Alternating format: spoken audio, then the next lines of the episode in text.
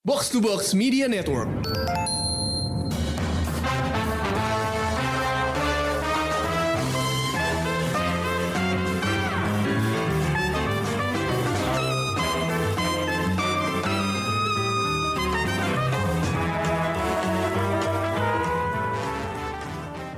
Halo pendengar Showbox, kembali lagi bersama Amy di episode kali ini bersama Halo, gua Krisna.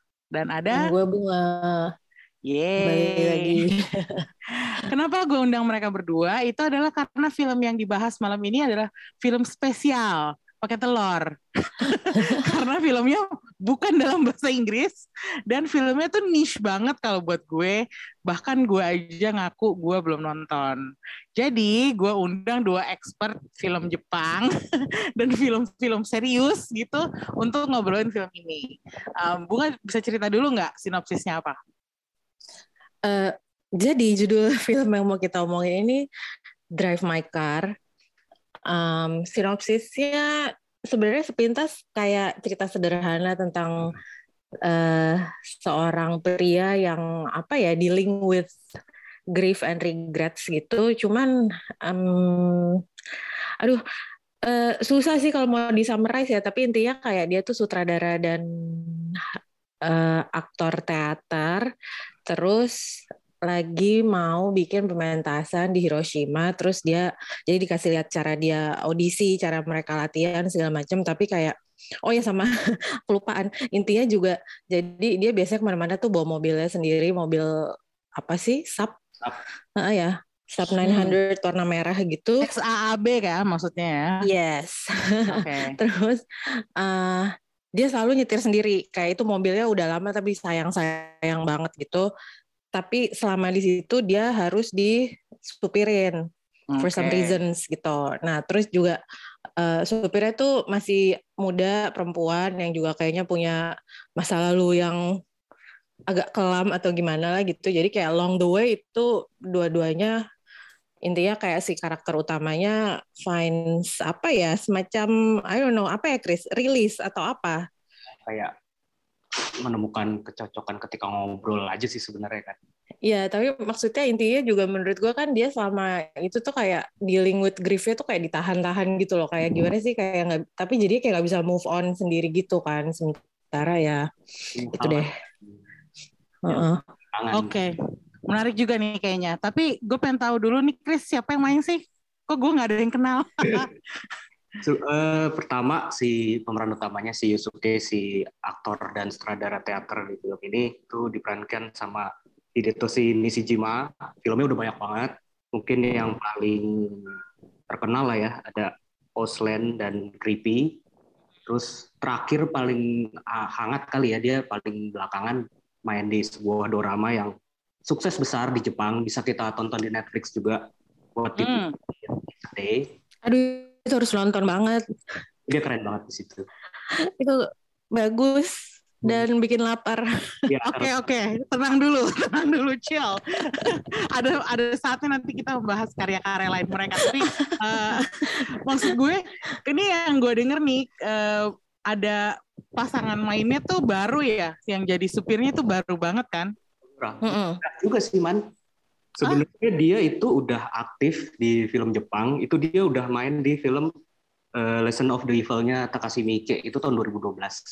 Wow. Itu dia bareng Oh, udah lama ya Chris ya Udah lama. baru dengar soalnya namanya Tapi emang kayaknya dia baru breakthrough-nya dapat eh, lead role di sini sih. Oh oke, makanya soalnya orang-orang kayak karena di Wikipedia juga nggak ada link buat namanya dia. namanya dia Nah, jadi gue menganggap oh ini yang baru nih pasti gitu dan ternyata Kalau Di- lu lihat di kayak di Asian Wiki gitu, Hah? filmnya udah panjang banget. Tapi emang kebanyakan karakter-karakter kecil kali ya di di film pertamanya itu pun gue nggak nggak ngeh dia sama sekali sih. Ya mungkin dulu dia masih jauh lebih muda juga ya dan jadi anak SMA yang oh ya masuk yang pastinya yang termasuk dibunuh-bunuhin jadi mungkin cepet mati juga gitu. apa? Oke, ini semua menarik banget. Tapi sebelum kita lanjutkan pembahasan kita dengan sesi non spoiler, kita dengerin dulu trailernya Drive My Car.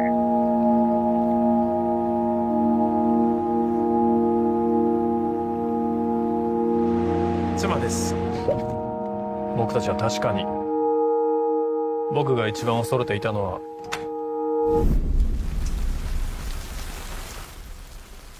音を失うことだった今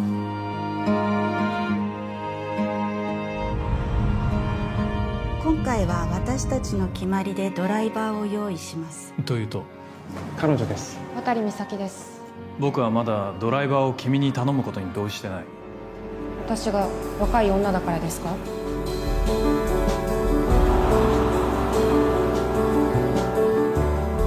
？1ヶ月半の稽古と2週間の本番です。ずるい人だ拜托そこまで。失礼。君はどうして広島に？実家の裏が山なんです。大雨で地滑りが起きて母はその事故で亡くなったんです。お父さんって素敵じゃないですかとても。君はこう考えてる。僕たちは同じ悲しみを共有してる。同じ女を愛したから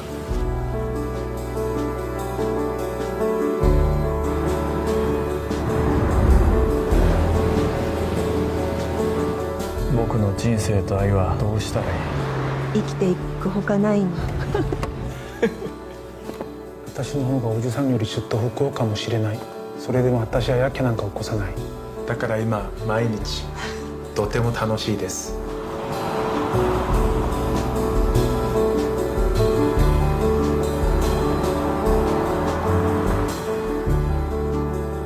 Ya itu dia tadi uh, trailer Drive My Car yang uh, lagunya bagus sih kalau gue dengerin dari trailernya.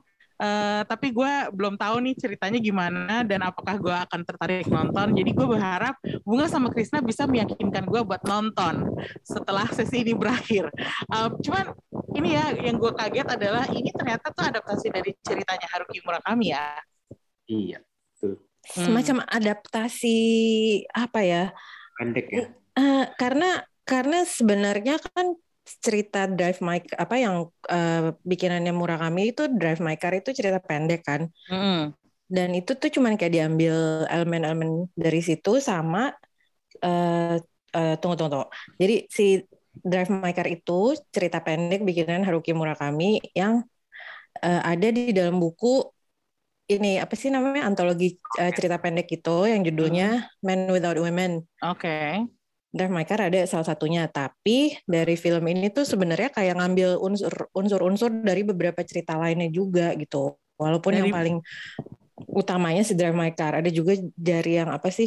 Apa judulnya? Syahrazad apa tuh yang kayak dari Oh, One Thousand and One Night ya, gitu. ya, ya, ya. ya itu sama ada satu lagi gitu. Jadi eh dan ditambah kayak yang elemen-elemen eh dia lagi bikin persiapan sandiwara teater itu itu juga sesuatu yang cu- eh, baru gitu. Jadi itu cuman baru di eh, film ya di cerita pendeknya nggak ada kayak begitu. Jadi kalau dibilang adaptasi sebenarnya apa? Adaptasi bebas ya atau gimana? Adaptasi lepas. Adaptasi lepas ya. Iya. ha. Eh, Bunga sepertinya udah sering baca buku Haruki Murakami nih. Iya nggak sih? Juga sih sebenarnya. Zaman dulu, zaman kuliah yang sudah lama sekali. Dulu sempat baca-baca. Awal awalnya baca gara-gara suka main ke apa perpustakaan Japan Foundation terus wah covernya lucu nih terus baca. Waktu itu kayak belum tahu itu siapa dan segala macem. Terus lumayan sih be- beberapa buku, cuman justru yang belakang-belakangan yang baru-baruan tuh gue belum baca sih. Hmm, yang mana buku favorit lo? Em, sejujurnya karena baca udah lama ceritanya tuh udah rada blur. lupa Uh, uh, tapi yang gue inget tuh kayak the feeling I I got when I read the book ngerti kan maksudnya Ah, ya, ya. itu apa ya mungkin ini sih eh aduh gue gue bahkan lupa judulnya Hard Boiled Wonderland and the End of the World ya kalau nggak salah Cuma bukunya Oh. tuh tebel banget ya ada terus dia kayak dua dunia yang berjalan paralel gitu ceritanya. Well anyway menurut gue itu kalau difilmin eh rumit sih pasti tapi it would be interesting kalau misalnya ada yang berminat memfilmkan. Tapi setahu gue juga soalnya si Haruki Murakami itu tuh nggak suka filmnya di eh apa eh, buku-bukunya dia film. dijadiin film sebenarnya. Ya, sedikit, Oh, sedikit kan. Iya, dikit kan. Buat itu tapi yang familiar sebelum Drive My Car gitu. iya cuman cuman baru dikit yang udah apa ya Norwegian Wood. Sebelumnya kan Norwegian Wood ha, terus kemarin itu eh yang film Korea tuh Burning itu juga dari cerita pendek sama paling ini sih yang di yang film Jepang rilis di Jepang ada juga beberapa film pendek juga gitu sih cuman nggak banyak sih Hmm. emang Yang gue tahu cuma Norwegian Wood doang sih. Mm-mm. Sebagai penonton awam ya. Vietnam sebenarnya kan. iya iya siapa sih Hmm. namanya Namanya Trung An Ung. Oh, iya iya iya. Yang Dan- kalau nggak salah ya si Murakaminya he's not too happy with that movie oh, pernah baca somewhere gitu deh berarti dia orangnya sangat ini ya eh, apa perfeksionis, picky. nggak tahu deh entah Hmm. deh Cu- cuman cuman kayaknya dia ini sih kalau sama yang ini lumayan puas ya, ya atau gimana pernah baca nggak lo Chris Nggak pernah dengar ada reaksi negatif dia sih. buat- iya kayaknya sih oke oke aja main iya orang kan jadi lebih banyak yang tahu jadi ya sebenarnya karena filmnya juga lebih inilah Hmm. dirilis luas Ini omong-omong, by the way, kalian nonton di mana ya? Setahu gue nggak rilis wide rilis di bioskop Indonesia kan? enggak Krisna nonton di mana? Gue sih di Klik Film belum lama ini. Oh, kalau Bunga nontonnya di mana? Eh, gue nonton di festival apa tuh yang di Jogja bulan Desember kemarin Jogja Netpack Oh. Asian Film Festival. heeh. Terus ya ini karena mau rekaman ini tadi siang gue mencoba nonton lagi di film, tapi nggak komplit jadi agak dicoba-cepetin dikit. Soalnya Oh. panjang, Bo. Iya, terus katanya filmnya hampir tiga jam ya? Iya. Oh. Gimana tuh? Nonton di OTT mungkin untuk sebagai orang yang harus benar-benar mempersiapkan waktu sih karena tiga jamnya itu kan sementara kalau di bioskop kan bisa fokus di Iya, natap layar gitu. sementara kalau OTT kan mungkin banyak distraksi, distraksinya ya kalau di Hmm. rumah apalagi gitu kan tapi lo nonton berhenti-berhenti nggak, Chris? enggak karena gue udah udah karena menyediakan waktu. gue ya jadi kayak di malam itu gue udah ngeberesin semua hal-hal yang perlu gue beresin ya fokus nonton Iya. Iya Oke. sih. Gue juga waktu nonton sebenarnya tadinya agak-agak menurut gue kayak tiga jam tuh agak daunting gitu kan. Tapi pas nonton em, nggak kerasa lama sama sekali. Maksudnya kayak ceritanya ngalir nggak nggak ada bagian yang Lanjut, ngalir terus aja gitu loh. Heeh. Cuman waktu itu gue memang mikir kalau misalnya nontonnya nggak di bioskop yang mengharuskan lo duduk sampai selesai gitu ya. Apakah perasaannya akan kayak begitu? Gimana Harus Chris ternyata? Itu sih apa nyediain waktu sih Iya. Hmm. Karena kan kalau nonton ini terputus, bisa emosinya bisa hilang dan pas start dari titik lu putus itu bisa. Nah, iya iya iya. Iya nggak enaknya gitu sih sebenarnya. Oke. Oke, tapi ini ya, gue pengen tahu dulu nih eh, sebelum kita masuk lebih dalam lagi, eh, sebutkan aspek terbaik dari film ini buat lo. Maksudnya apa bagian terbaik yang works for you dari film ini? Hmm. Susah ya. Apa ya? Lo duluan Chris? Nah, oke. Kalau menurut gue sih pertama atmosfernya ya yang sebenarnya yaitu ceritanya kan sebenarnya sederhana. Tapi atmosfernya itu bisa ngebangun emosi yang kuat gitu di ke dalam ceritanya. Terus terasa tenang tapi dalam, terus ya tenang tapi juga menghanyut Menghanyutkan. bisa terbawa cerita tiga jam nggak terlalu terasa panjang gitu terus nggak perlu banyak dialog setiap adegan juga tapi setiap adegan bisa tetap terasa padat gitu dengan gestur-gestur dari para karakternya gitu. Terus detail-detail sederhana dari apa yang dilakukan karakternya untuk membangun hubungan di antara mereka juga. Terus ya itu semua nggak lepas dari acting cast-nya ya terutama si Nishijima atau Komiura sama gue cukup terkesan juga sih sama si Masaki Okada sebagai Koji Takatsuki itu. Dia lumayan apa ya eh, lumayan cukup kuat lah menyalurkan emosi-emosi karakternya di beberapa adegan gitu kan Adegan terbaik film ini menurut gue ya itu loh si Takatsuki sama si siapa? Reminder, Si ini masih sesi non spoiler. Oops, sorry. Oke, nanti nanti kita lanjutin lagi ya bagian itu. Gue catat nih, gue catat. Jadi um, oke. Okay, um, Udah selesai belum Krista? Iya, jelas. Kristen. menurut gua terus sinematografinya juga ya cakep banget tapi ini sama sekali bukan film yang cuma ngandelin panorama ya walaupun emang settingnya di Hiroshima Mm-mm. laut dan penggunaannya cakep tapi ini bukan apa ya kayak film yang ngandelin panorama yang kayak titipan pariwisata setempat gitu tapi emang emang sinematografi cakepnya ini ampuh dan efektif untuk memperkuat emosinya film ini sendiri gitu loh untuk untuk atmosfernya segala macam jadi bukan cuma make up gitu itu sih Hmm. Nah, bunga sekarang. Sama sih kurang lebih. Menurut gua kayak film ini tuh em, semacam apa ya unsur-unsurnya tuh berkombinasi dengan sangat pas gitu. Jadi hasilnya oke. Eh, gitu ya. aktingnya bagus. Semuanya aktingnya bagus menurut gue ya. Walaupun tentu saja yang paling eh, ini tuh si ya itu si Nishijima soalnya dia kayak karakternya mungkin awal-awalnya kayak mukanya tuh datar gitu kayak orangnya stoik banget yang kayak ini sebenarnya orang mikirnya gimana sih? gitu.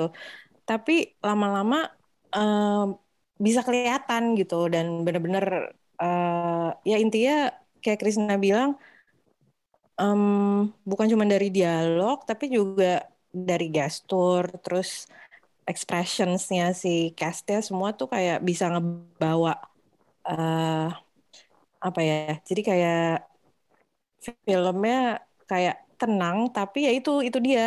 Emosinya tuh berasa banget gitu loh. Terus juga eh, bener sih sinematografinya bukan yang terlalu wah atau gimana tapi gue juga suka banget apa ya gimana sih kayak gambarnya tuh semuanya clean and crisp gitu. Jadi nontonnya enak di mata terus ya of course directingnya juga bagus sih menurut gue. Adegan-adegannya tuh kayak eh, ya pas aja gitu semuanya. Nggak ada yang berlebihan atau gimana ya Oke. Kayak- kayak si mobilnya sendiri warna merah gitu kan. Itu secara estetika detail yang keren juga sih ketika iya. long shot long shot gitu kan. Heeh. kalau Jadi- yang shot dari atas di jalanan gitu kan ya. Betul gitu kan. Heeh, heeh.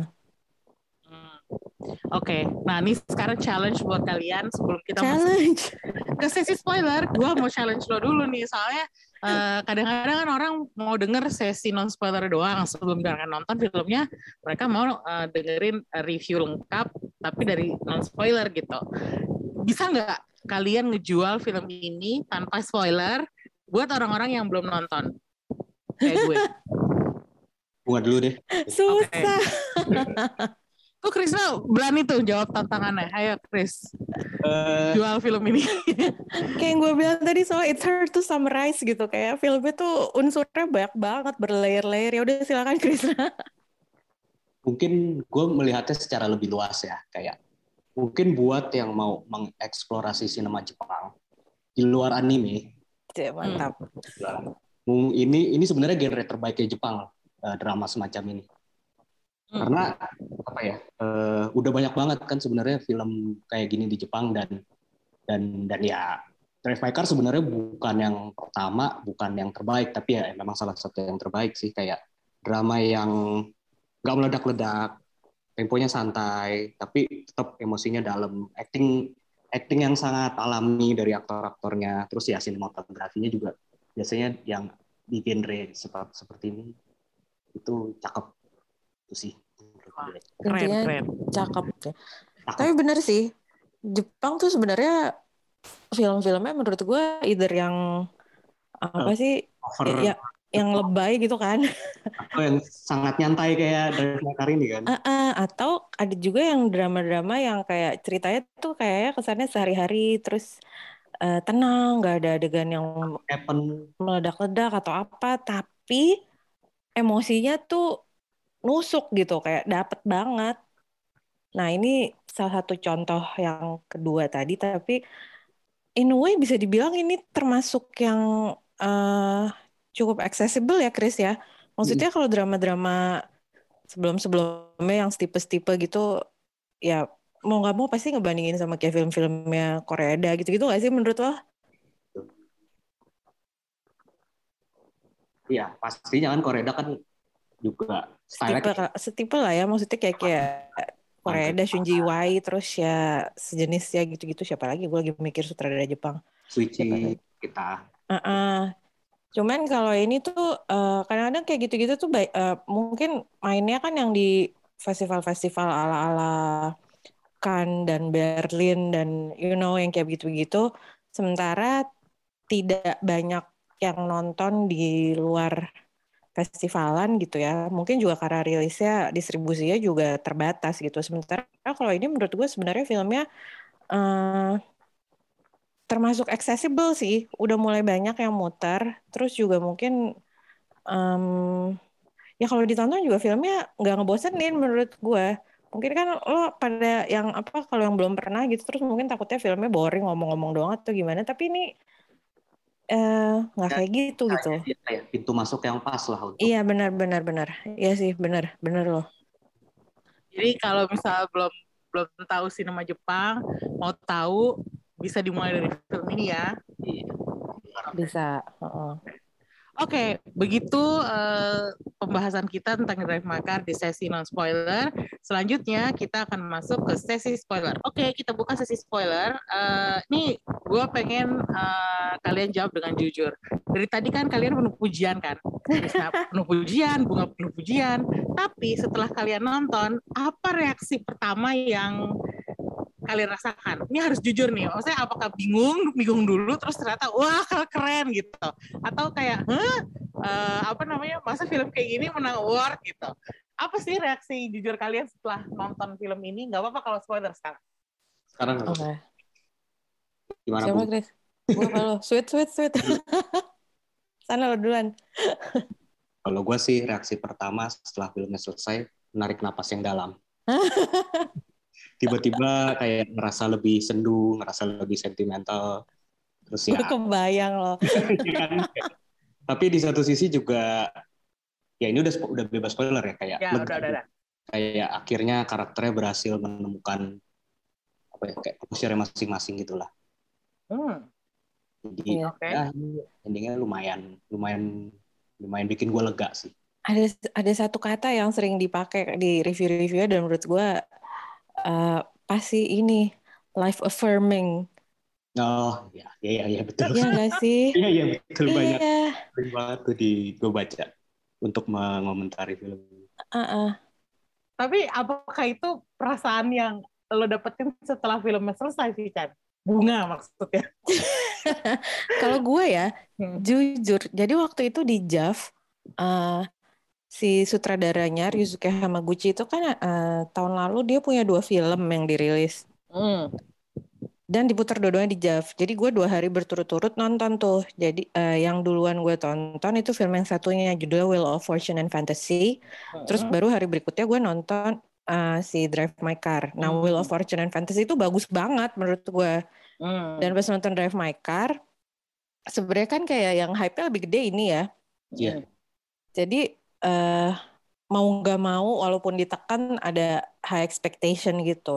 Nah pas selesai, sejujurnya gue sempat mikir, hmm, bagusan Wheel of Fortune and Fantasy ini tuh kayak gue sempet kayak ya sebenarnya endingnya kayak Krisna bilang kayak eh menarik nafas panjang gitu. Cuman terus kayak kayaknya gue lebih suka yang satunya deh gitu. Sempet-sempet kayak gitu. Tapi eh berhari-hari setelahnya bahkan udah kayak seminggu dua minggu sebelumnya tuh gue masih mikirin adegan-adegannya jadi kayak eh menurut gue ini filmnya tipe-tipe ya kalau di pengalaman gue ya it grows on me gitu Ah, lebih Jadi- membekas gitu ya? ya makin lama tuh malah makin dipikir-pikir makin bagus Oh, oke. ya jadi kayak begitulah Sampai sekarang apa kalau masih berpikiran bahwa film yang satunya lebih bagus atau sekarang udah berubah pikiran sama sekali? Em, Drive My Car lebih bagus Oh, berarti hampir sama sih tapi filmnya beda soalnya tipenya oh, apple or oranges gitu ya. Jadi nggak bisa dibandingin terlalu deket gitu. i semacam itu mungkin semacam apa ya per Shangri dan per Australia Oh, oke. That's interesting. Tapi kalau misalnya lo bisa mengubah pendapat lo over time, Mm-mm. berarti ini film yang butuh waktu yang lama untuk dicerna atau gimana? Mungkin tergantung orangnya juga kali ya, karena kan tuh gue sama Krisna beda ininya. Eh apa namanya pengalamannya. Hmm. Atau nggak ngerti, gue gue soalnya juga tipe, menurut gue ya, gue tuh tipe orang yang kalau nonton film, first reaction itu bisa agak berbeda sama setelahnya gitu. Biasanya kayak I need to, I need it to simmer down a bit gitu, baru kayak memutuskan, oh filmnya bagus gitu. Hmm. Atau, oh gue nggak suka. sama sih kayak gue juga kadang untuk itu bahkan butuh ngobrol dulu setelah diobrolin kayak kayak banyak detail yang baru nangkep gitu kan Nah, iya, iya, iya, iya. Heeh. Ap- apakah lo begini juga, Chris, eh, setelah nonton film ini? Maksudnya Nah, lo butuh waktu buat mencerna atau bu- eh, lo sempat ngobrol sama siapa gitu, untuk baru suka atau gimana? ini sih enggak juga sih gue bisa langsung maksudnya gue udah dapat penilaian gue persis setelah selesai dan setelah setelah itu nggak nggak bisa dibilang nggak berubah sih Hmm. Tapi emang kayaknya ini kalau diobrolin juga bakal ini sih maksudnya banyak hal-hal yang mungkin tadinya tidak terlalu kepikiran bisa oh ya juga ya siap-siap tiga jam nih podcast ya kayak filmnya Tapi jujur deh, ada nggak sih yang kalian nggak suka dari film ini? Karena setiap karya kan pasti ada plus minusnya ya. Nggak ada satu film yang sempurna banget gitu. Bahkan film favorit gue aja gue masih bisa mengomentari bahwa ada hal-hal yang kurang di bagian ini, bagian itu gitu. Untuk Drive My Car ini, apakah ada hal yang buat lo masih bisa dikembangkan atau kurang gitu? Misalnya? eh, gue ada gak sekarang jujur belum kepikiran Oh, kalau kalau gue sebenarnya ada sih satu hal cuman satu hal gitu sebenarnya kalau kalau misalnya ini tidak terjadi mungkin ini akan jadi film yang sempurna buat gue tapi sebenarnya gue justru kurang suka sama klimaksnya hmm. apa tuh klimaksnya? Agak terlalu dramatis yang di salju itu ya? Di salju kayak itu sebenarnya agak agak melenceng dari dari tone filmnya yang sebenarnya kan tenang segala macam. Di situ justru agak terlalu dramatis dengan di, di tengah salju terus berdua ngomong di atas di atas apa kayak bekas bekas longsoran salju gitulah. Jadi kayak bukit semacam bukit gitu sih. Jadi gue sebenarnya lebih lebih berharap konklusi yang lebih sederhana sih dari dari film ini Hmm. Lebih tapi kan di situ akhirnya dia ini Chris si siapa? Si Kafukunya bisa let out gitu loh. Iya betul ya. Nggak perlu di bukit salju ya. Gua gua akan menganggap film ini jauh lebih sempurna dan powerful. Eh, kalau misalnya itu terjadi cukup ketika mereka ngobrol di mobil aja sih di mana sebenarnya sepanjang film kan itu udah banyak kejadian penting yang bisa dilakukan di situ gitu perjalanannya nggak masalah gitu dia jauh-jauh ke Hokkaido tapi menurut gua ya cukup di di dalam mobil aja sih pembicaraan mendalam yang membuat akhirnya mereka bisa apa ya berdamai dengan masa lalunya ya masing-masing itu Hmm. Tapi itu adegan Jepang banget gak sih menurut lo? eh sebenarnya untuk di itu bukan sesuatu yang gue harapin dari genre yang seperti ini sih. Hmm. Kayak kalau kalau misalnya film-filmnya Korea aja deh yang paling simpel. Mm-mm. Eh, yang pa- apa kayak kayak orang banyak yang bilang kayak minim konflik lah, nothing happen kayak gitu-gitu ya. Hmm. Ya sebenarnya ekspektasi gue untuk film ini kayak gitu sih di untuk klimaksnya ya maksudnya Mm-mm. bukan nggak terjadi apa-apa, cuman kayak berharap sesuatu yang lebih sederhana aja sih biar lebih masuk ke tonton yang di awalnya yang sebenarnya lebih subtle yang kayak gitu-gitu kan. Hmm. Nah itu, itu tapi jadi mem- apa sih kayak membuat kayak yang tadi kita bahas justru kayak film ini jadi mungkin sedikit lebih accessible buat Iya. orang yang nggak biasa nonton film yang si tenang-tenang itu. Makanya jadinya mungkin ya akhirnya bisa lebih diterima sampai ke Oscar segala kayak gitu kan. Iya sih emosinya lebih ini ya. Tapi even then ya tetap adegan itu tuh kayak nggak ada scoring sama sekali sunyi banget gitu-gitu. Iya sih. Kebayang gak sih lo man? Eh Ya. salah mi. gue kebayang sih karena eh, setelah nonton beberapa eh, klip dan trailer gue merasa filmnya tuh emang film Jepang yang tampaknya di mata gue ya film Jepang yang eh, lebih mengikuti genre slice of life daripada drama gitu Hmm. kayak apa al- apa ya tone-nya itu tadi yang kata Krisna bilang atmosfernya tuh kok datar tapi bukannya boring gitu. Tapi, Mm-mm. tapi kayak ya kalem menghanyutkan gitu. Dan kalau misalnya tiba-tiba ada satu adegan dramatis gue ngerti sih kenapa Krisna merasa keberatan. Karena mungkin itu nggak sesuai sama overall tone dari movie-nya kan. Jadi gue gue belum kebayang nih sebenarnya adegan yang Krisna maksud kayak gimana. Cuman kalau ada suatu kayak burst of emotion di tengah yang kalau menghanyutkan itu ya buat gue agak weird sih Sebenarnya sih untuk untuk apa ya? Untuk dibanding film-film drama lainnya gitu ya, itu sih termasuk masih tidak terlalu Masih meledak. subdued ya. Cukup inilah masih lebih halus. Itu karena kayak bunga bilang tadi kan nggak ada scoring, nggak ada apa ya ya tetap tetap tetap sepi sebenarnya kan. Nggak ada musik-musik yang sok memancing apa Nggak ada air Zimmer mata ya? gitu. Iya, nggak ada. Iya. Tapi kayak kalau yang gue bayangin nih filmnya tuh eh, i- sebenarnya ceritanya tentang perselingkuhan kan? Is that right if I call it that way? Ah, Menurut gue bukan itu sih intinya. Ya, intinya. tapi ada unsur-unsur perselingkuhan kan? Ada. Nah, it's a marriage story basically. Um, dan I would think that a film like this would be more apa ya scandalous. Eh, enggak sih, karena pertama ini ya gimana ya? Itu pertama itu bukan sesuatu yang jadi fokus utama ceritanya gitu ya. Mm-mm. Ya memang ada unsur itu dan karena almarhum istrinya ya ada ada kasus perselingkuhan dan dan salah satu penyesal, penyesalan terbesar Nishijima di film ini kan dia nggak pernah menyelesaikan masalah itu kan sampai Hmm. akhirnya dia Dia jadi tuh kayak dia tahu tapi dia lari gitu. Karena kayaknya dia takut kalau dikonfront dia sama istrinya udahan gitu gak sih? dia dia agak ada ketakutan dia kan dia akan kehilangan istrinya Iya, heeh. nggak menunda-nunda untuk ngomongin itu kan.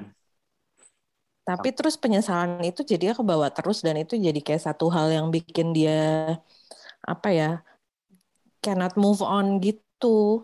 Sebenarnya kan kalau dilihat juga eh, hubungan si Nishijima dan istrinya si Otto ini kan udah sudah tidak sehat sebenarnya kan. Kafuku, Chris Kafuku. Kafuku ya itu sudah tidak sehat jadi ya ya bukannya gua membenarkan perselingkuhan ya tapi itu sesuatu yang sudah eh, terbaca gitulah ya emang yang menjadi sumber masalah itu kan sini si Jimanya yang nggak berani menyelesaikan itu Hmm, Oke, tapi ya gue cuman cuman ngebayangin kalau ada topik atau tema seperti ini di sebuah film, penonton tuh harusnya mengharapkan sesuatu yang lebih menggebu-gebu gitu loh. Tapi di sini kan nyatanya filmnya nggak gitu kan, karena emang bukan itu intinya gitu. Cuman gue kebayang aja kalau lu misalnya dengan naskah seperti ini yang bikin filmmaker Hollywood, gue rasa nggak mungkin nggak nggak begebu-gebu gitu loh. Kayak pastinya akan ada adegan kayak berantem kayak atau apa kayak gitu. Ceritanya beda ntar.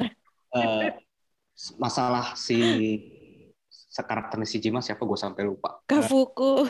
Suke dan istrinya itu lebih panjang dari sekedar selingkuh itu gitu loh Iya. Kayak- Oh. karena mereka eh, sudah kehilangan anak anaknya Oh, iya iya. Menurut gua justru apa jadi gara-gara itu hubungannya jadi aneh ya. Soalnya hubungan mereka tuh di situ justru Heeh. Di mana itu yang jadi problemnya Nishijima banget karena dia sangat jelek dalam hal komunikasi kan. Hmm. Dan itu kalau kalau gua melihat melihat relasi dia eh, apa hubungan dia sama istrinya sih kayak gitu. Hmm. Nih kalau Unik gue- sih hubungan dia sama istrinya tuh menurut gue. Iya, eh, dan itu membuat gue pada saat tadi membaca segala review dan sinopsis dan eh, segala hal yang bisa gue temukan tentang film ini di internet adalah kok karakternya kayak semuanya tuh punya gray area gitu ya kayak si Kafukunya itu kayak melarikan diri dari hubungan eh, dari pernikahan dia gitu terus istrinya berselingkuh terus eh, selingkuhannya juga terus tiba-tiba eh, ngomong ke Kafukunya bahwa dia cinta sama si Otonya itu gitu. Terus gue tahu si supir perempuannya itu punya menyimpan uh, masa lalu yang kelam gitu. Nih, kayak gue mikir apakah emang dibuat seperti itu ya, didesain seperti itu karakter-karakternya. Apakah itu ngikutin bukunya atau gimana sih? Eh, kalau di bukunya sih kan kayaknya cuman ada karakter si Yosuke sama Tok si Hmm. Watari aja ya, Bung ya. Mm-mm. Yang Dan lain. apa sih? Cuman ya pokoknya dia cerita ke si supirnya bahwa eh, Oh, iya. istrinya udah nggak ada, terus dia baru tahu istrinya tuh affair bla bla bla, dan dia kayak eh, akhirnya berusaha berteman sama orang yang jadi selingkuhan istrinya. Tadinya niatnya kayak mau jahatin, tapi terus malah mereka jadi sama-sama ngomongin istrinya kayak gitu-gitu. Dan cuman di situ doang sih kalau yang cerita pendek Drive My Car-nya. Hmm. Kalau yang di film ini sih, kalau gua sih ya, gua personal gua nggak bisa sama sekali menghakimi mereka benar atau salah karena menurut gua mereka emang dibikin untuk jadi sangat manusiawi. Nah, itu dia. Jadi kayak ya itu kayak Suke yang pengecut bisa dibilang yang apa nggak bisa nyelesain masalahnya sama istrinya sendiri terus akhirnya malah bikin dia bikin sampai dua tahun hidupnya apa karirnya terpengaruh dia nggak bisa jadi aktor lagi karena bayang-bayang istrinya kan Hmm. terus eh, si Watari juga eh, ini yang cukup menarik sih kayak kayak film Jepang kan lumayan sering mengeksploitasi hubungan orang tua dan anak yang disfungsional gitu kan Hmm. dan abusive dan itu biasanya lumayan parah lah gitu. Hmm. Jadi ketika Watari nyeritain masa lalunya di mana dia membiarkan ibunya tertimbun longsor, dia nggak bisa, eh dia nggak nggak nolong apa pun gitu. Gak tau gue kok kayak bisa menerima itu ya. Maksudnya gue nggak nggak menganggap dia jahat atau apa kayak gitu sih. Menurut Iya. gue manusiawi sih. Iya, itu sih justru Lagi di menurut gue, situasi gem apa bencana ya maksudnya. mm-mm. Hmm, kayak gitu. sama sih menurut gue juga bagusnya tuh justru karakter-karakternya jadi berasa apa ya, very human gitu, nggak yang dibikin bagus banget atau jahat banget atau gimana gitu. Kayak semuanya tuh punya uh, flaw masing-masing gitu. Hmm. Jadi eh malah bagus sih kalau menurut gue. Jadi kayak Hmm. lihat gimana orang sungguhan menyelesaikan masalahnya aja gitu. Iya, Hmm. iya. Maksudnya kalau kayak contohnya misalnya si siapa sih Kafuku gitu.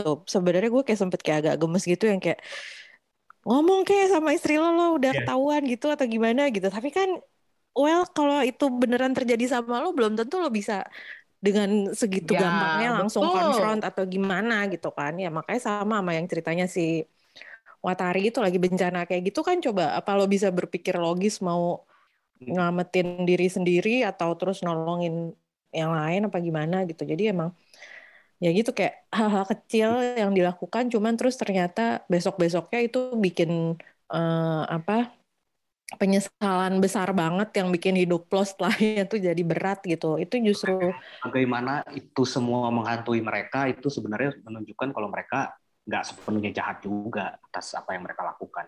menunjukkan bahwa mereka itu manusiawi banget jadinya gitu. Kayak Oh, oke. jadi bisa apa ya? Makanya jadinya emosinya tuh dapet banget kalau menurut gua. Hmm. Ya. Bisa kebayang sih kalau gue karena da- dari deskripsinya aja gue gue kayak menganggap bahwa oh they're they're trying to present a portrait of uh, flawed humans yang nggak jahat tapi sepenuhnya baik itu juga enggak gitu. Dan Mhm. itu menarik banget kayak kan kalau misalnya dibandingin ya eh, beberapa sinema dosa jauh-jauh deh sinema Korea gitu. Kadang-kadang black and white itu kerasa banget gitu. Kayak Iya, iya. ini evil, this is this is heroic gitu. Jadi kayak udah ada ga- garis batasnya gitu. Tapi kalau di sini gue ngeliatnya kayak oh ini lebih lebih real gitu, lebih lebih manusiawi seperti kata kalian gitu. Jadi ya I'm very interested now karena gambaran-gambaran tokoh-tokoh manusiawi itu agak jarang ya bisa ditemukan di sebuah film gitu. Drama-drama Jepang yang model kayak gini banyak sih yang kayak gitu ya Chris ya tipe-tipenya karakternya. heeh. Itu memang Drive My Car lah yang dapat momentumnya sih untuk. Hmm. Eh dari tadi nih kalian belum ngebahas loh eh, pe- dua pemeran utamanya tuh gimana chemistry-nya. Oh, Si ini si Kafuku dan sama Watari. mari. heeh. Ini gimana menurut kalian? apakah chemistry itu berpengaruh kepada penampilan mereka atau ceritanya atau it doesn't need that chemistry gitu? Gue bisa merasakan sih uh, chemistry mereka kayak uh, suka sih gue karena kan hubungannya dimulai dengan canggung. Kayak tiba-tiba si si uh, Kafuku mobil dia harus menyerahkan mobilnya yang seumur umur selalu dia nyetir sama istrinya. Ada ada ada perempuan lain yang membawa itu tuh terlihat kecanggungan mereka gitu kayak di mobil gak pernah ngomong. Dua-duanya kaku soalnya. Ya itu tapi tapi itu kan Iya. kayak rasa gitu awalnya kan awkward banget ya. Sama-sama sama-sama apa canggung ya kayak Heeh. kayak yang satu cuman celingak-celinguk di belakang yang satu berusaha fokus nyetir aja udah gitu kan. Nggak ngajak ngobrol nggak apa nggak basa-basi gitu. Terus kayak tapi terus akhirnya kayak sedikit demi sedikit mulai cair. Gue suka banget sih di kayak pas kan kayak apa ya start mulai mereka lebih lebih dekat tuh ketika si Kafuku ngizinin Watari untuk nungguin nungguin dia di mobil kan. Mm-mm. yang apa kan dia biasanya nungguin latihan gitu kan buat nganterin pulang nah itu terus kayak udah lu kayak besok-besok nunggu dalam mobil lain nggak apa-apa dingin di luar kayak gitu-gitu kan. Nah dari situ kan mulai mulai lebih cair. Nah itu kayak prosesnya sedikit demi sedikit dibangun dengan sabar sih. Jadi kayak ya akhirnya gue bisa merasakan progres hubungan mereka juga sih. Ya itu faktor chemistry mereka juga kan. Mm-mm. gitu sih. Kalau bunga gimana take-nya? sama sih in a way. Awal-awalnya emang kayak berasa kaku gitu dua-duanya. Cuman ya itu filmnya pelan-pelan membangun eh semacam ya bond lah bisa dibilang. Karena mereka kayak sama-sama eh punya masalah yang mirip walaupun beda gitu intinya Dan- penyesalan iya heeh. Hmm. terus juga ini udah spoiler kan nggak apa-apa ya jadi ya? Spoiler, spoiler. Terus kayak apalagi terus udah gitu ketahuan bahwa si umurnya si Watari tuh sama sama kalau misalnya anaknya si Kafuku masih hidup umurnya tuh sama gitu. Jadi Oh. kayak akhirnya itu semakin ya eh, jadi kayak oh dia ngeliat ini sebagai inilah. Terus juga ada salah satu dialog ya kalau nggak salah ya yang pas dia ngaku apa sih eh yang dia ngerasa dia ngebunuh ibunya karena nggak ngebantuin Eh, kan terus ininya si Kafuku kayak menenangkan gitu kalau gue bapak lo gue akan bilang itu bukan salah lo gitu terus jadi kayak Hmm. sama ini sih apa eh, titik paling akhirnya mereka bener-bener akhirnya bisa akrab tuh sesimpel ini sih. Si rokok bareng. Itu kayaknya udah lumayan ya maksudnya ketika ini ketika sesimpel dia muji nyetir dia enak. Oh iya iya iya iya. Sama eh, asistennya yang Korea itu kan. Heeh, heeh, heeh. dia nyetirnya enak terus kayak eh, udah habis itu kan ya scene, scene ngerokok itu kayak setelah itu kan. Iya setelahnya itu sih udah. Hmm. itu pas udah kebuka banyak cerita kayak sesimpel muji nyetirnya enak tuh kayak berarti dia udah si Kafuku nyaman ngebuka akhirnya ngebuka dirinya untuk bisa lebih dekat gitu kan Heeh, heeh. Tapi oke, kita sekarang kembali ke topik yang tadi pertama kali disebutin, tapi terus udah stop karena masih sesi non spoiler Eh, tentang si eh, Koji Takatsuki ya, Heeh. Masaki Okada. Ini jujur aja, jujur aja guys, gue ngeliat tampang dia pengen gue gaplok, tau? Karena tengil banget tampangnya. apakah, apakah ini berarti aktingnya bagus? aktingnya bagus sih bagus sih keren sih dia Ya. gue gue tuh sebelumnya ya ngeliat aktornya namanya siapa lupa gue Masaki Okada. oh ya sebelumnya itu gue ngeliat Masaki Okada main di dorama eh Main direct karakternya tuh dodol banget Oh. yang itu yang itu tuh yang apa sih yang tentang penulis naskah drama itu loh Chris apa sih? I cannot write ya? Lo nyebut itu ya tadi kalau nggak denger. Ah, ah, itu di situ tuh dia jadi kayak aktor heartthrob yang tapi diva banget pokoknya norak lebay gitu. Terus jadi makanya pas nonton ini tuh agak-agak kaget sih gue bisa jadi mainnya bisa serius gini cuman bagus sih. Hmm. gue terakhir ngelihat dia juga di sama di dorama eh, yang judulnya My Direxes itu yang sama eh, Ryohei Matsuda juga. Iya Itu iya. juga di situ karakter dia di situ nyebelin. ganteng. Kayak ganteng sih kayak nyebelin Di, di situ tuh kayak tokoh ini komik shoujo. iya kan? Iya betul. Iya benar iya. Iya, ada, ada apa bajunya apa kak bener sih. Tapi iya ternyata kan? Tipe yang tinggi kurus dan rambut agak berombak loh. Eh, terus ternyata di sini dia bisa apa ya kayak mendeliver dialog-dialog yang emosional banget gitu yang Hmm. terutama di, di di mobil pas di mobil pas pas dia akhirnya menyelesaikan masalahnya sama si Tafuku kan. Tuh, apalagi tuh scene-nya kan dia ngomong sama kamera sebenarnya kan. Iya, itu keren banget sih adegan itu. Itu adegan favorit gua dari sepanjang film. Karena- adegan adegan dia menyelesaikan masalah sama Kafuku. Not exactly menyelesaikan masalah ya, Chris ya. Ngomong Apa ya? Kayak istrinya aja.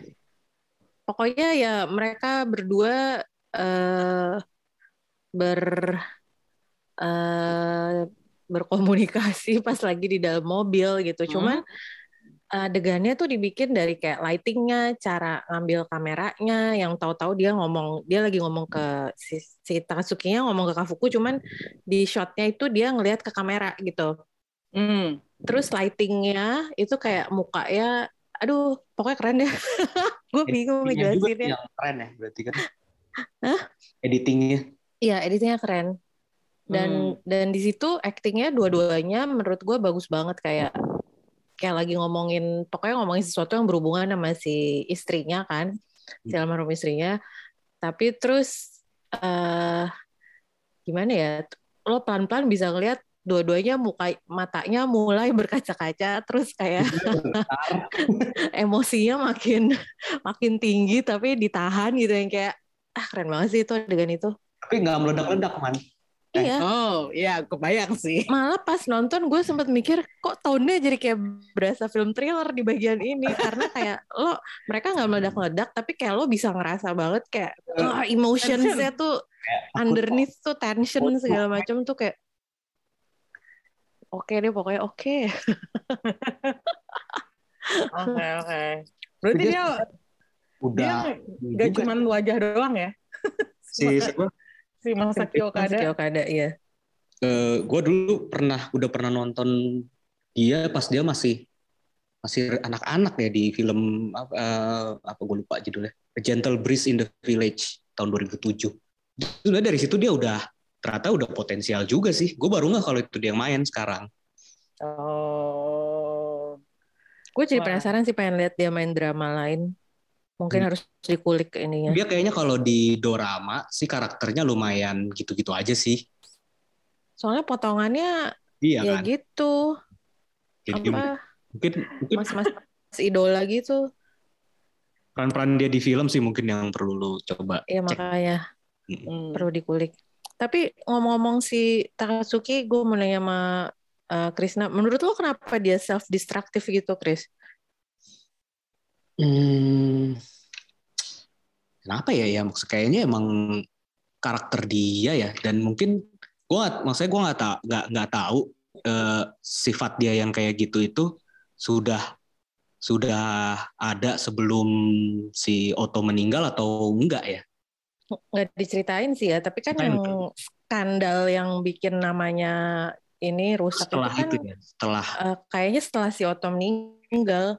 Kayaknya sih dia juga eh, kayak si ini kayak si Yasuke jadi dia dia juga dia kan kayaknya emang cinta beneran kan sama iya, iya, iya. ini sementara istrinya kayaknya enggak gitu kan Iya, jadi itu in a way kayak cara grievingnya dia kayak Iya, gitu ya, dia- akhirnya dia reckless gitu ya. dia juga nggak nggak punya dia nggak tahu dia penasaran juga jadi dia sama Mhm. sama penasarannya gitu kayak sebenarnya dia itu cinta balik ke dia apa enggak gitu si Otto ini Hmm. tiba meninggalnya dia sedih juga kan Mhm. kayaknya sih ada pengaruhnya dari itu juga sih Iya sih, gue pikir juga gitu sih. Jadi Hmm. kayak lama-lama jadi kayak bodoh amat gitu sama karirnya. Iya, karena dia karirnya juga kan banyak terlibat sama ya eh, kasih istrinya ini si Otto ini kan penulis penulis naskah, Naskah. untuk utama kan. Hahaha, Dan Iya. salah satu aktor pemerannya kan dia kan. Mhm. Jadi kayak ya kayak dia cukup terpengaruh sih untuk untuk ngerja apa ya, untuk terlibat dalam produksi yang bukan ditulis Oto dia kayaknya sus, masih susah gitu sih. Mm, mm, mm, mm. Hmm. Terus makanya jadi ngintilin si Yusuke.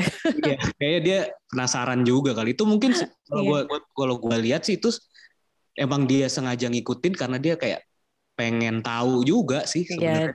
Dan Hmm. itu kayak link yang masih bisa menghubungkan dia sama si Otto gitu. Ya nggak sih? Iya, iya betul. Iya. Gue cukup kaget sih dengan karakter yang karakter ini ternyata perannya gede juga gitu. Iya, iya, iya. Hmm. Oke, nah sekarang nih kita sudah uh, sampai ke bagian akhir setelah tadi ngomong macam-macam. Uh, interpretasi kalian terhadap endingnya gimana? Karena tadi gue dengar Krisna bilang cukup lega, tapi Bunga belum belum ngasih tahu uh, apakah dia lega atau kecewa atau gimana gitu. Kayak kalau kecewa gak mungkin ya. Maksudnya Aduh. endingnya overall story atau adegan terakhirnya nih? Adegan terakhir Adegan terakhirnya. kamu lumayan Oh. interpretasi kan itu. Uh, Iya. kayaknya soalnya agak kalau gue baca-baca ada yang sempat satu reviewer bilang open ending. I don't know Menurut lo gimana. Chris? Eh, ya lumayan sih karena gue gue juga menangkap dua hal sih dari itu. Apa yang lo tangkap? gua punya kecenderungan ke salah satunya. Apa itu? Eh, kan adegannya kan diliatin si Watari lagi belanja di supermarket di Korea kan, terus dia Terus eh, udah COVID. oh iya iya iya ada di Soalnya pakai masker Masker ya, oh iya. semuanya. Oh iya, terus kayak ternyata eh, dia nyetir mobilnya mobil merah itu gitu dan sendiri. Hmm. Jadi eh, interpretasi pertama gue sih sesimpel oh kayak si Kafuku punya punya proyek kan dia punya punya asisten dan aktor Korea juga kan. Jadi wah jangan-jangan dia punya proyek eh, menyutradarai teater di Korea. Terus si Watari ikut diajak sebagai masih diajak sebagai supirnya gitu. Jadi kayak emang mereka makin deket aja. Ya, ya. Itu yang pertama. Yang kedua sih gua nangkepnya kayak itu si Kafuku udah ngasih mobil itu sepenuhnya ke Watari. Jadi Oh. dan dan si Watari ini kan memang dia pernah bilang di salah satu adegan kalau Hiroshima itu bukan bukan titik akhir perjalanan dia kan. Dia cuma dia Hmm. bilang kenapa dia ada di Hiro- Hiroshima karena dia kehabisan duit aja kan. Hmm. Jadi kayak menurut gue sih dia akhirnya melanjutkan perjalanannya dan akhirnya ya ya sampai ke Korea dan akhirnya eh apa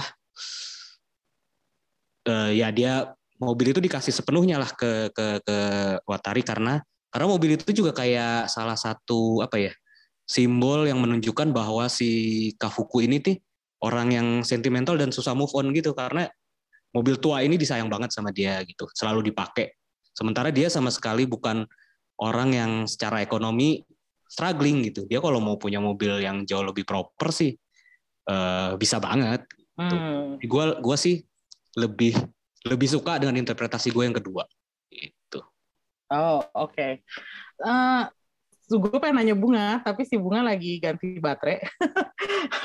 Jadi eh, ini Mm. gue mau nanya duluan deh eh, sebelum Bunga balik lagi. oke Kasih rating, Chris.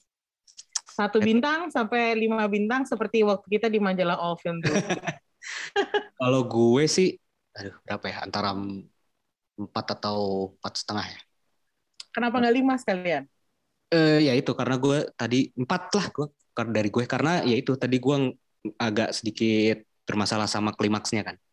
Oh, Kalau klimaksnya nggak sedramatis itu sih gue bakal ngasih nggak tanpa ragu gue bisa ngasih lima mungkin. hmm. Karena karena ya ya iya bener sih itu kayak agak keluar dari dari tone filmnya sedikit. Maksudnya eh, hanya satu adegan itu mampu mengubah penilaian lo terhadap seluruh filmnya. Lumayan karena itu di klimaks sih Oh, oke. Jadi cukup besar ya pengaruhnya. cukup besar. nggak sampai yang mengganggu banget gitu sih ya, tapi kayak ah sayang sekali gitu. Hmm, oke. Tapi gini ya, Chris. eh, sekarang lo udah ngasih judgement lo eh, empat bintang. Eh, ini gue nganggep lo tuh bukan apa ya? Gue merasa lo bukan tipe penonton film yang festivalan gitu, seperti Bunga. Bunga kan lebih berat ke situnya kan. Sementara lo lebih selera lo lebih luas gitu. Eh, menurut lo film ini kan tadi kan kita udah bilang ya uh, Drive Car tuh mudah diakses oleh lebih banyak orang karena ada beberapa unsur yang membuat film ini lebih mudah diterima gitu. Tapi sebenarnya lo ngerasa nggak sih kalau film ini tuh uh, lebih cocok buat model-model cinephile daripada penonton umum gitu? Uh, gimana ya? gua emang nggak kayak bunga sih ya yang nonton yang penonton festival banget istilahnya yang yang yang film dari berbagai bahasa segala macam. Hmm. Tapi sebenarnya beberapa tahun terakhir sih ya sebenarnya dari uh, genre film Jepang yang kayak gini itu sebenarnya jadi genre favorit gua sih man belakangan. Oh. Tapi khusus drama seperti ini yang dari Jepang aja sih karena karena kayak ada karakteristik yang khas sih yang nggak bisa gue temui dari drama semacam ini di dari negara lain gitu ya walaupun misalnya sama-sama cerita sederhana sama-sama slow pace gitu tapi ada apa ya mungkin kayak karakternya gitu yang yang uh, atau budayanya juga ya iya lu tahu gue lumayan suka banget ya iya Jepang karena ya. dan ya udah kayak tapi memang betul juga sih kalau dibilang ini film semacam Drive My Car ini nggak nggak nggak untuk semua orang lah ya. Hmm. Karena ya itu eh, pertama temponya lambat, durasinya hmm. panjang, ceritanya eh, bisa dibilang sederhana. Dan kadang konklusinya juga uh, untuk film-film semacam inilah ya. Kayak konklusinya juga kadang mungkin untuk sebagian orang kurang memuaskan dalam artian bukan yang nggak selesai tapi kayak udah gitu doang gitu. Ya sementara justru kalau kalau gue di genre ini khusus yang dari Jepang justru gue suka kayak kayak gitu. Oh. Hmm, tapi ya mungkin untuk sebagian orang itu boring sih karena kayak ini apa yang terjadi gitu. Hmm. mungkin mungkin untuk menggambarkan gue pernah nonton apa ya lihat film Korea sih. Oh, ya? Apa tuh? apa judulnya Laki Cangsil itu bisa ditonton di movie. Oh. Itu ada dialog dari karakternya yang lumayan lumayan bisa relevan ke pertanyaan lo gitu sih. Jadi ada karakternya cowok, cewek. Nah si ceweknya ini penggemar film-filmnya Ozu. Oh. Uh, Tokyo, uh, sorry Tokyo Love Story ya, apa gue lupa. Nah hmm. Ozu itu bisa dibilang kan kayak kayak Godfather-nya film drama Jepang yang slow pace kayak gini kan. Hmm. Mungkin kalau sekarang Koreda lah masternya gitu. Nah, hmm. itu kayak si cowoknya sementara yang lebih suka film-film yang lebih lebih menghibur. Hmm. Dia menganggap film-film kayak kayak gini itu film-film yang apa sih nggak ada yang terjadi kita ngapain sih nonton ini gitu nggak ada yang nggak nggak menghibur nggak ada yang terjadi kayak gitu gitu sementara di sudut yang satunya menganggap justru uh, kesederhanaan kesederhanaan itu yang membuat filmnya jadi jauh lebih emosional kayak gitu kan hmm. ya kayak ya. gitu sih jadi tapi ya sebagian besar penonton sih mungkin akan lebih susah ya karena akan boring apalagi durasinya panjang banget hmm. oke okay. tapi ya, kalau misalnya ada orang yang tetap nggak tertarik nonton juga menurut lo itu hal yang wajar kan bahkan Wajar. setelah mendengar pujian ber hmm. mengalir di mana-mana gitu. Ya, oh ya bisa. Nggak ada minat itu wajar kan ya kalau menurut gue wajar tapi nggak ada salahnya dicoba udah dicoba dulu. Oke. Okay. Hmm. Oke, okay. nah ini ini sebenarnya hal yang kepikiran sama gue sejak pertama kali gue denger tentang film ini, hmm. karena ya lo lihat aja kan debutnya tuh di Cannes, hmm. terus uh, menang award tapi dari Critics Choice gitu terus bukan yang kayak apa ya istilah pop culture film gitu kalau menurut gue jadi gue agak-agak khawatir tadinya bahwa film ini tuh terlalu niche buat hmm. penonton apalagi penonton di Indonesia yang udah marketnya tuh kita di sini kan Hollywood minded banget gitu kan. Jadi gue tadinya mau ngangkat uh, film ini pun agak ragu gitu. Cuman setelah gue melihat potensi nominasinya dari Oscar segala macam gue jadi tertarik untuk masukin film ini ke uh, showbox gitu. Cuman itu dia kayak gue merasa kok film ini lebih cocok buat ya model-model cinephile gitu uh, daripada buat yang penonton casual moviegoer atau film-film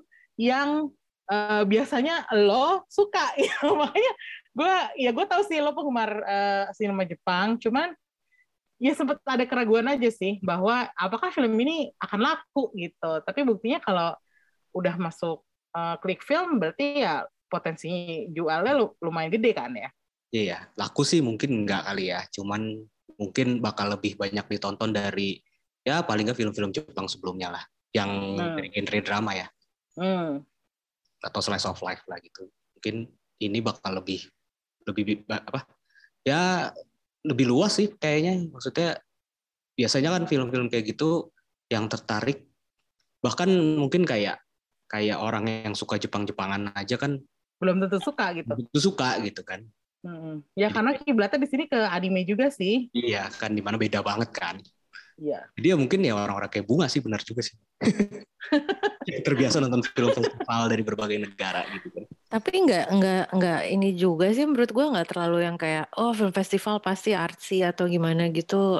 Uh, karena yang kayak dari tadi awal kita bahas sih menurut gue ini filmnya cukup accessible jadi mm, ya asal lo suka atau ya paling nggak bisa nonton drama masih bisa diterima menurut gue nggak filmnya tuh bukan yang aneh atau yang kayak iya iya. apa sih feels distant atau gimana. Karena kalau film apa yang artsy artsy gitu kan kayak terlalu apa ya ceritanya tuh nggak nggak gimana sih susah untuk relate sama karakternya atau gimana gitu kan. Hmm.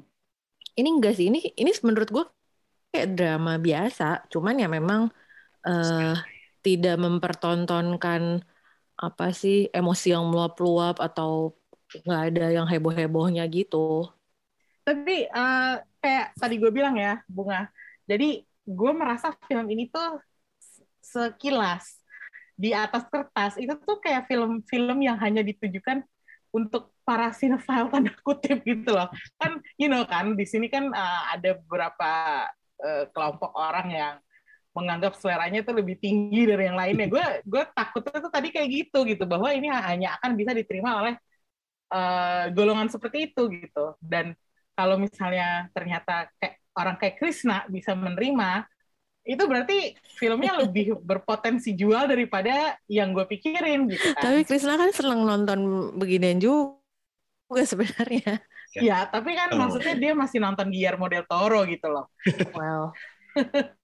gitu. Nah makanya gue gue cuma pengen tahu pendapat uh, lu juga, apakah film ini tuh maksudnya lu udah nonton dua kali gitu kan pertama hmm. di festival di JAV terus di Klik Film gitu apakah ini film berpotensi untuk lebih menjual daripada film-film festivalan lain gitu? Hmm, yang pasti sih menurut gue mungkin akan lebih banyak orang yang tertarik nonton karena hype gede ya. Hmm. Uh, terus ya tapi kalau di Indonesia mungkin nggak terlalu sih. Yang yang berasa banget hype gede tuh di ini sih di ya? dunia barat sih terutama di Amerika ya. Mereka hmm. berekspos film Asia, Bu. Iya, dan kayaknya emang lagi terutama kan sejak apa sih Parasite, Parasite lah segala macam jadi kayak naik daun wow. banget lebih baik yang memperhatiin gitu kan. Ya, tiba-tiba semua orang suka sama sinema Asia gitu ya. film ini momentumnya pas aja sih menurut gue. Hmm. Mungkin juga terus dia juga dapat distributornya yang usahanya juga kenceng gitu kan di ini di Amerika. Iya. Iya itu sih karena ya hmm.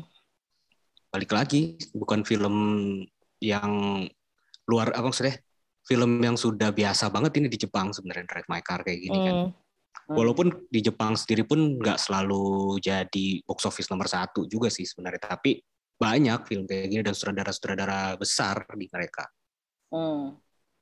Ya, ya, ya. Nah, tapi jujur kalau di Indonesia mungkin agak susah ya, Chris ya. Sih kayaknya. Hmm. Iya. Hmm. Sayang ya, padahal udah aksesnya udah lumayan gampang tuh kalau di klik film, ya nggak sih? Iya. Ya makanya mungkin coba dulu lah. Tidak terbiasa, siapa tahu jadi suka. Minimal kalau lo ngikutin awards awardsan ya atau paling paling ini Oscar deh. Kalau buat gue hmm. Oscar tuh udah awards yang paling merakyat. Mainstream. Ya, semua orang ya. iya, kalau misalnya lo ngikutin Oscar aja ini sih pasti akan ya paling nggak kayak film apaan sih ini kok tau ada film Jepang masuk gitu. Hmm. Parasite kan juga waktu itu gitu kan, luma, jadinya lumayan lumayan rame yang nonton. Iya iya iya iya. Hmm. Hmm. Walaupun apa, walaupun K-pop itu udah sesuatu yang besar di Indonesia, tapi kan enggak untuk film Korea kan. Ya, Mm-mm. Kalau untuk masih marketnya masih niche untuk film ya. kalau di Bahkan dibanding drama, kalau gue rasa sih agak lebih menang drama daripada maksudnya serial daripada film gitu. Jelas. Jelas. Oke. Jelas. Heeh. ini, Eh, ini by the way eh, tadi si Bunga nyebut-nyebut Oscar. Ini kalian excited nggak terhadap Oscar? Gue biasa aja. sama, gue juga bukan orang yang antusias dengan ajang penghargaan sih. Wah, ini Jujur, Ini, by the way, kita di majalah film tuh suka snobbish gitu ya, kayak ah Oscar biasa aja. Gak tahu kan kalau gue sesuai. lagi studio aja gitu. gue merasa Oscar itu kayak overhype banget kayak isinya kan paling kayak jago-jagoan ininya apa namanya ngelobi ini aja. Kayak lebih studio gitu. kan. Uh-uh. Iya. Ada prasangka buruk duluan gitu. Tapi ya kalau Emang pas gitu aja santai. emang iya ya fakta ya. Tapi kayak udah udah banyak ininya kok tulisan reportase. kalau pas hari H sih gue tetap nyimak sih. Oh. Dan dan Tapi- kalau, kalau film favorit gue ada yang menang ya gue tetap senang sih. Walaupun Ini menurut lo Drive My Car bisa menang nggak? Dalam kategori-kategori yang dinomis- dinominasiin. Ada empat kategori kalau nggak salah, termasuk eh, Best Foreign Language ya? ya keren lah. Ah, Iya. gimana? Sekarang namanya Best International Film Oh ternyata. yes, oke. Kayaknya kalau itu udah di tangan sih ya, walaupun Iya. uh, the worst person in the world yang yang yang keren juga sih. Judul ini lagi. Keluar lagi. Gue merasa dihantui oleh judul Penasaran nggak lo manja? Penasaran akhirnya, penasaran. Oh kemarin ya kemarin ngebahas. Kemarin gue sebut terus Manda bingung apa tuh? Iya, ya maksudnya ini. Iya, iya. Kenapa, Chris? uh, tapi ya mungkin kayaknya sih tetap menang Drive My Car kali ya untuk karena dia masuk Best Picture tapi nggak menang di sini kan aneh gitu kan. Mm-mm. Harusnya kan derajatnya lebih tinggi gitu kan Best Picture. Iya. Minimal minimal si international film itu dapet sih menurut gue. Hmm, Untuk Oke. kalau untuk Best Picture juga menurut gue peluangnya lumayan gede juga sih Bisa ya. aja sih melihat kemarin tahun lalu Minari ya. Enggak. Nomadland. Si Apa ini sih? Nomadland. Loizo apa? eh, Oh iya sih, si Chloe heeh, Nomadland. Tapi kan Minari kayaknya booming juga kan waktu itu kan. Dia menang apa sih? Aktris ya. Ya apa tuh kan kita nggak ikutin Oscar jadi nggak tahu. No, Nomadland lah yang menang. Nomadland sih. Nah makanya maksud gue Dua tahun lalu baru Parasite ya momentumnya masih ada sih dari para masih ada. Apalagi ya itu dia kayak apa di awards awards yang dari kritik tuh menang melulu. Jadi kayaknya eh ya bukan tidak mungkin sih menurut gua. apalagi ngelihat saingannya sih dari yang udah gue tonton aja ya apa sih gue lupa bocoran dulu Cek. Tower of the Dog. Power of the Dog nah, nah, bagus tapi kayaknya masih menang eh Drive My Car sih yang gue ngerti Don't Look Up sih ngapain ada di situ Ada West Side Story loh, Spielberg loh. ah, Oh itu masuk ya? Masuk. Enggak sih. Ada Dune. Dune. dibanding, kalau dibanding Drive My Car enggak sih tetap eh Koda gue belum nonton sih kayaknya mungkin itu juga saing kuat kali ya Koda Tapi ya nggak tahu sih, gue juga belum nonton. Cuman itu kan adaptasi dari film Prancis ya, dan film Prancisnya tuh ringan banget sih menurut gue. Nggak tahu ya kalau yang versi Amerikanya. Dune Hmm. Kayaknya bukan materi untuk Best Picture lah ya Enggak, paling dia menang di sekitar yang teknis-teknis gitu nggak sih? Sinematografi kali ya.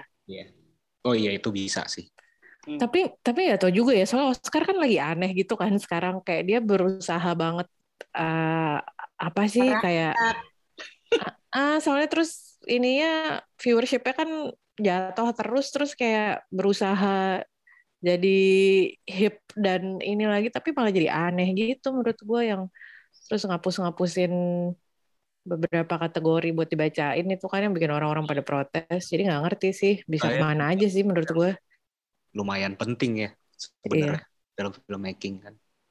Tapi gini ya, eh, selain Drive My Car, ada nggak film jagoan kalian di salah satu kategori tertentu yang pengen kalian lihat menang gitu? Hmm, gue sebenarnya suka banget ini sih mungkin kalau di luar Drive My Car ya. Eh gue ngarep Henry Garfield menang sih di dari Tik Tik Boom. Hmm. Aduh, gue belum nonton. Suka sih itu, keren sih dia di situ. Kalau bunga ada nggak? gue belakangan ini kan banyaknya nonton film pendek. Jadi justru waktu nominasi keluar tuh yang gue perhatiin eh ya itu eh, nominasi si film-film pendeknya kan ada tiga. Yang apa sih live action, animation, sama documentary kan. Ya. Itu yang pas diumumin yang animation kebetulan gue udah uh, short animation tuh udah nonton hampir semuanya sekarang udah nonton semua sih Hmm. itu ada yang gue jagoin ini ya kategorinya ini banget ya. Best animation short. Ya nonton lu doang. yang nonton gue doang. Jadi makanya bunga adalah si rival di antara kita gitu. ya disengaja loh. Itu ya siapa tahu mungkin kalian bisa jadi tertarik juga. Soalnya filmnya tuh rata-rata sekarang udah bisa ditonton dengan gratis. Ada yang di YouTube lah di Vimeo lah Mm-mm. itu ada yang gue suka banget dari eh, nominasinya itu ada dua satu film dari Chile judulnya Bestia Hmm. itu eh, dia eh, apa namanya kok gue lupa sih istilah- istilahnya kalau yang kartun dari yang kayak Artman gitu apa namanya kok gue lupa sih stop motion oh my god Motion. Parah. stop, stop motion Uh, jadi dia tuh animasinya stop motion pakai clay gitu. Jadi karakternya kepalanya tuh kayak dari keramik gitu. Gak ada dialog tapi disturbing. Oh, kan lu biasanya nggak suka yang disturbing gitu, Bung. waktu itu gue nontonnya takut sih. Cuman cuman menurut gue keren aja kayak film pendek eh, terus nggak pakai dialog. Cuman bisa bikin gue yang pas nonton eh gitu loh. Coba deh lo cari. Jadi dia tentang ini sih eh, apa ya masa eh, mungkin nontonnya akan lebih baik kalau tahu ada tahu sedikit latar belakang Chile background Oh, politiknya kayak gimana Hmm. Iya, iya. Dokumenter gitu ya. ya pokoknya ini deh apa sih sejarah politik kelamnya gitu-gitu itu satu sama ada satu lagi yang gue suka banget itu judulnya hmm, ah gue lupa judulnya Apa? Gue bacain ya. Affairs Bacain. of the Art. apa Ballet. Affairs of the Art. oke terus Box? Ballet. terus Robin Robin. terus The Windshield Wiper. nah that's it Oh, oke. itu Kalau dari ya itu juga gue suka bahasa Spanyol juga ya kayaknya ini.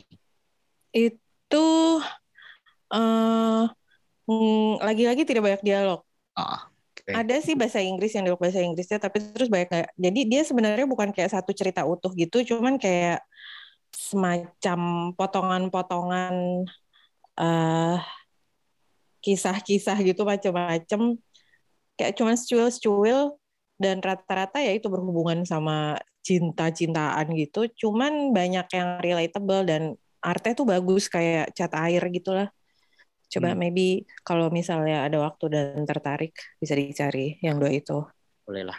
kayaknya ada di YouTube deh Dua-duanya yang lu bilang tadi. Hmm, waktu itu kalau Bestia tuh di Vimeo sempat. Cuman nggak ngerti soalnya eh, kadang-kadang kan kayak gitu-gitu tuh tidak eh, tersedia bebas karena film-filmnya masih muter di festival-festival kan biasanya. Hmm. Cuman kayaknya festivalannya udah habis nih, udah mau Oscar segala macam. Jadi coba dicari aja. Kalau yang si Windshield Wiper sih ada di YouTube. Hmm, oke. Kalau gue jagoannya sih cuman di film pendek juga sih, sama kayak Bunga, tapi yang live actionnya. Karena ada film Riz Ahmed di situ. Long Goodbye. Yes. Jadi gue sebenarnya nggak nggak sengaja nyari ini film, terus tiba-tiba dapet kayak link apa ya eh, semacam illegal link gitu. Gue tonton sekali, abis itu hilang linknya. Jadi gue udah lupa juga sih ceritanya kayak gimana. Tapi ini politis juga sih. Kayak Sekarang udah ada di YouTube itu. Ada Oh, ini di YouTube ya? saudaranya Riz Ahmed. Riz Ahmed. Pokoknya film film salah satu yang bikin adalah dia. Gue nggak ngerti sutradara apa dia yang nulis atau gimana. Ini ada dua sih filmmakernya. Kalau gue lihat di Nah, ada yang lagi eh, yang dia emang sama kayak co-filmmaker gitu, tapi nah itu dia. Gue karena dapatnya pertama adalah illegal link, gue jadi nggak nggak baca kreditnya karena di cut sebelum eh, apa namanya sebelum tampil gitu. Makanya gue harus mencari link resminya dulu buat nonton lagi. Tapi dari yang apa yang gue lihat memang Riz Ahmed tuh emang very talented ya. Jadi dia bisa like everything he can do gitu. Jadi gue semakin kagum sama dia dan gue pengen lihat dia menang Oscar. gitu. Itu kalau mau nonton sekarang uh, udah tersedia di YouTube kok legal dan lengkap. Iya. Oh ada. Mm-mm, cari aja The Long Goodbye. Iya. Eh, si Riz Ahmed tuh kayaknya bukan dia sih sutradaranya. Jadi yang satu lagi siapa namanya Anel Karia. Mm. Tapi kayaknya ide ceritanya mereka barengan gitu. Hmm. Oke. Nah, itu itu udah keren ada, sih. Gue suka tuh. itu udah ada beberapa ide ya buat Very powerful. itu udah ada beberapa ide buat kalian uh, check out the film sebelum Oscar minggu depan. Jujur aja gue nggak tahu gue bakal nonton apa enggak. Tanggal Soalnya berapa sih? Oh iya tanggal udah. 28. Tanggal 28. Oke. Kok nggak Ya, ya, antusias? Hah? Kok nggak antusias? Enggak biasa aja. Bukan lu tanya.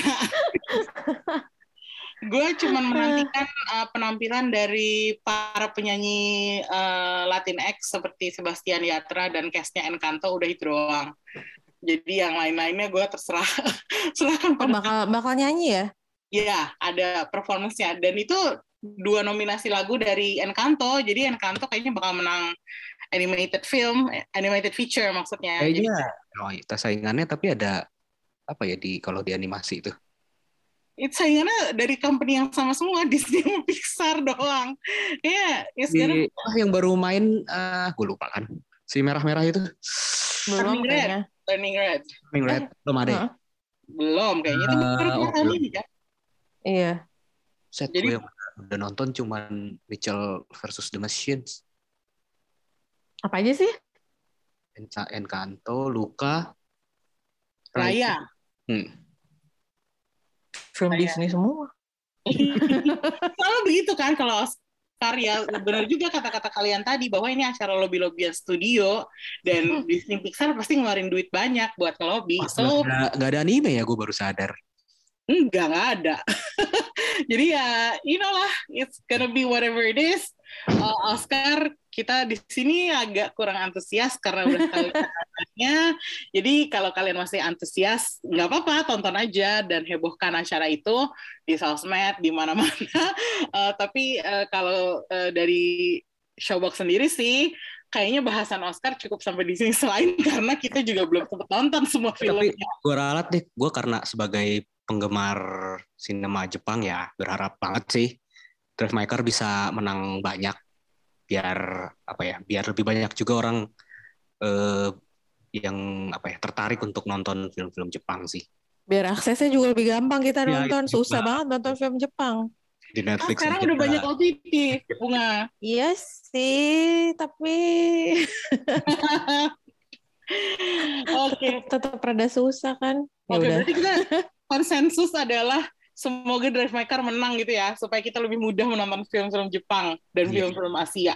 film film biar film Jepang yang ada yang mudah diakses tuh bukan cuman yang adaptasi live action dari anime doang Anime, iya iya Ya. iya iya. bukan itu yang terbaik dari Jepang Oke, wah ini gue bener banget nih ngundang Masih banyak yang lainnya, Cek. ya gue ngundang Krisna pakar Jepang, ngundang Bunga pakar festivalan, lengkap udah siaran kita kali ini. Um, thank you Bunga, thank you Krisna udah join gue. Uh, Sama-sama. lama ini panjang ya panjang, Iya. udah nggak usah dipikirin waktunya yang penting kita Maaf ya.